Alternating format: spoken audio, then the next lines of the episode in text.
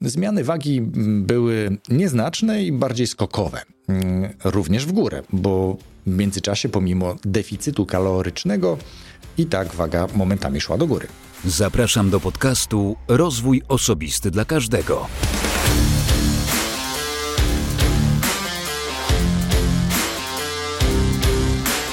Dzień dobry, cześć. Ja nazywam się Wojtek Struzik, a ty słuchać będziesz 251 odcinka podcastu Rozwój Osobisty dla Każdego, który nagrywam dla wszystkich zainteresowanych świadomym i efektywnym rozwojem osobistym.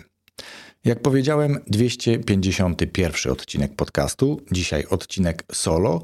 Dzisiaj krótki, ale dość osobisty, żeby nie powiedzieć intymny odcinek, ale o tym za chwilę, bo przypomnę, że w 250 odcinku rozmawiałem o skutecznej komunikacji i współpracy z Magdą Wachnicką, a w tle kompleksowe badania osobowościowe DISC D3, których jestem certyfikowanym konsultantem. To tak na marginesie taka mała autoreklama. No dobrze, to przechodzimy w takim razie szybko i konkretnie do sedna. Dzisiaj chcę podzielić się obserwacjami po 103 dniach postu przerywanego, który na sobie testowałem. Większość kwestii tak na sobie właśnie testuję i teraz czas na wnioski i podsumowanie. W podcaście będzie jeszcze o tym, a dlaczego to wyjaśni się w trakcie odcinka, ale do rzeczy. 23 maja postanowiłem sprawdzić na sobie działanie postu przerywanego czyli takiego intermittent fasting albo jemniejem, bo jemniejem to było pierwsze, do czego się przymierzyłem, bodajże w 2012 roku. Efekty były dość słabe, chodziłem głodny, trochę pewnie też podrażniony. Coś tam schudłem, ale ogólnie nie byłem wtedy zadowolony z tego, czego doświadczałem. Tym razem w pierwszym etapie chodziło mi o sprawdzenie, czy podołam, czy podołam rygorowi okienka żywieniowego, czyli czy będę dawał radę jeść wtedy, kiedy powinienem według tego okienka i nie jeść dłuższą część doby. Zacząłem lekko od 14-10, czyli 14 godzin postu i 10, 10 e, godzin jedzenia. Na marginesie to nic szczególnego i aż trochę dziwię się, że potrzeba do tego specjalnej nazwy i programów, bo przecież kiedy odejmiesz od tych 14, czyli od godzin postu, 7 lub 8 godzin snu, to tak naprawdę na faktyczne poszczenie zostaje raptem 2-3 godziny. E, ja już w pierwszych dniach postu mm, przeciągałem go powyżej 14 godzin, bez zmuszania się i bez większych y, wyzwań, tak naprawdę, bez jakiegoś negatywnego odbioru czy samopoczucia. Dlatego już po dwóch dniach podniosłem poprzeczkę na 16,8, a ponieważ i tutaj mój post trwał zwykle więcej niż zakładałem, to od 11 czerwca poprzeczka znowu poszła w górę na 16,8, co oznaczało, że mój post trwał mniej więcej od 17 do 11 następnego dnia, a w praktyce dłużej, ale już nie były to duże rozbieżności.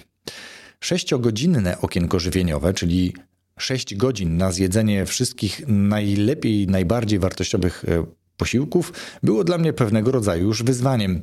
E, głównie z uwagi na intensywność mojej pracy zawodowej, ciężko było mi po prostu zmieścić się z tymi wartościowymi posiłkami w 6 godzinach. Dlatego wróciłem do postu 16-8 i już do końca próby zostałem przy tej właśnie proporcji czasu postu do czasu jedzenia, czyli 16 godzin poszczenia i 8 godzin na jedzenie. Wydaje mi się to być dosyć proste i optymalne tak naprawdę.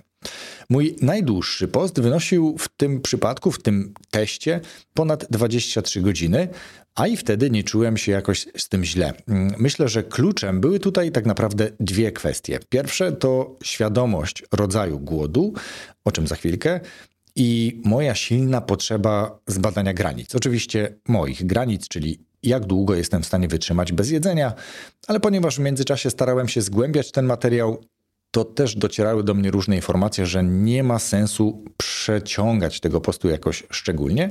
Stąd nie próbowałem robić postów, które pierwsze przyszły mi też do głowy, tak żeby doba się przeciągnęła i tak naprawdę, żeby post trwał dłużej niż 24 godziny. Jeśli chodzi o kwestię pierwszą, czyli świadomość rodzaju głodu, wiedziałem, kiedy odczuwam głód fizyczny. Wtedy wyraźnie tak zwane kiszki grają marsza, czyli czuję, a nawet słyszę wyraźne burczenie w brzuchu. Słyszałem, e, czułem.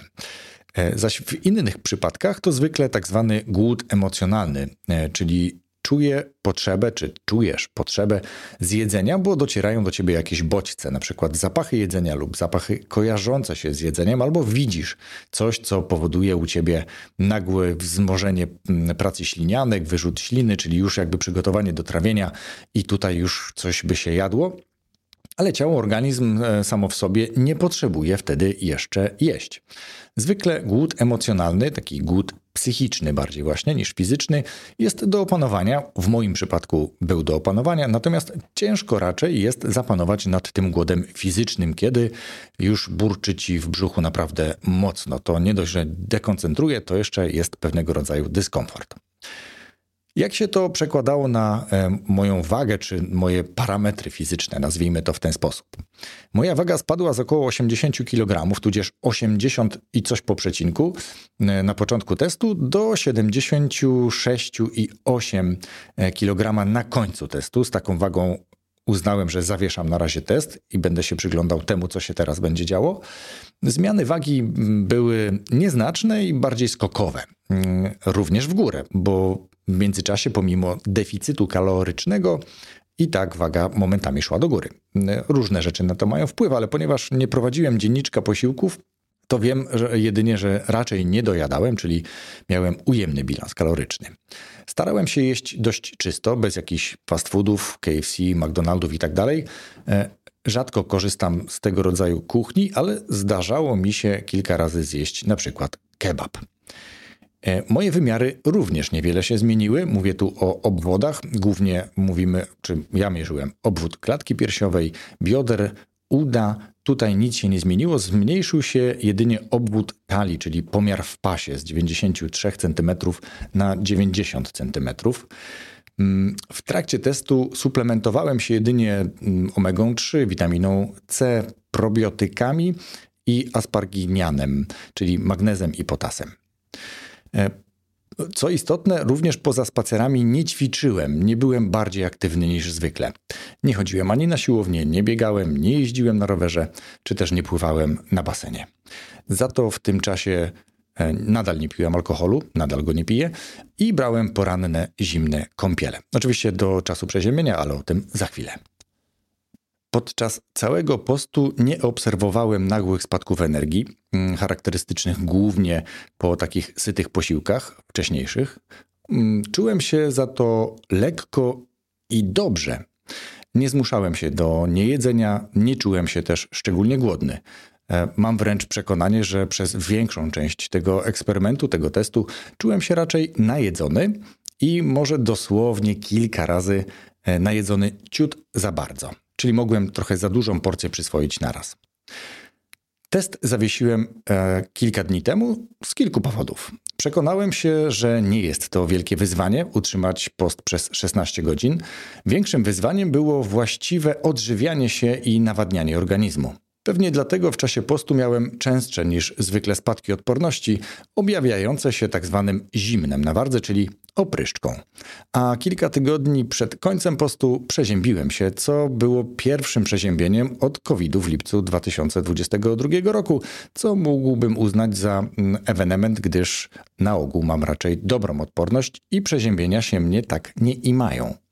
Ale reasumując, Post nie jest wielkim wyzwaniem czy uciążliwością. Wiem, że ponownie do niego wrócę po podobnym okresie normalnego jedzenia, co z kolei od postu różni się jedynie tym, że ostatni posiłek zdarza mi się zjeść czasem nawet po 19, co w przypadku postu nigdy nie miało miejsca. Mam za to wnioski na przyszłość. Optymalny okres postu dla mnie to 16-8, czyli 16 godzin postu i 8 godzin jedzenia. I jedyne, co powinienem bardziej dopilnować, czego powinienem bardziej dopilnować, to więcej wartości w pożywieniu. Więcej warzyw, pewnie owoców, a same posiłki raczej częstsze i mniejsze objętościowo, żeby nie zapychać się treścią pokarmową o na przykład małej wartości odżywczej. Dlatego będzie więcej rozmów z ekspertami tego tematu, tak abym ja zgłębił ten temat jeszcze bardziej, ale też mógł podzielić się z Wami tymi właśnie eksperckimi opiniami, odnieść się do badań i tym podobnych. Dziękuję za wysłuchanie tego odcinka do końca. Mam nadzieję, że moje podsumowanie może pomóc Ci kontynuować Twój post zabrać się za niego lub go zawiesić, jak ja. Jakiekolwiek są Twoje cele. Trzymam za nie kciuki i pamiętaj, że zdrowie przede wszystkim i wszystkiego dobrego. Rozwój osobisty dla każdego.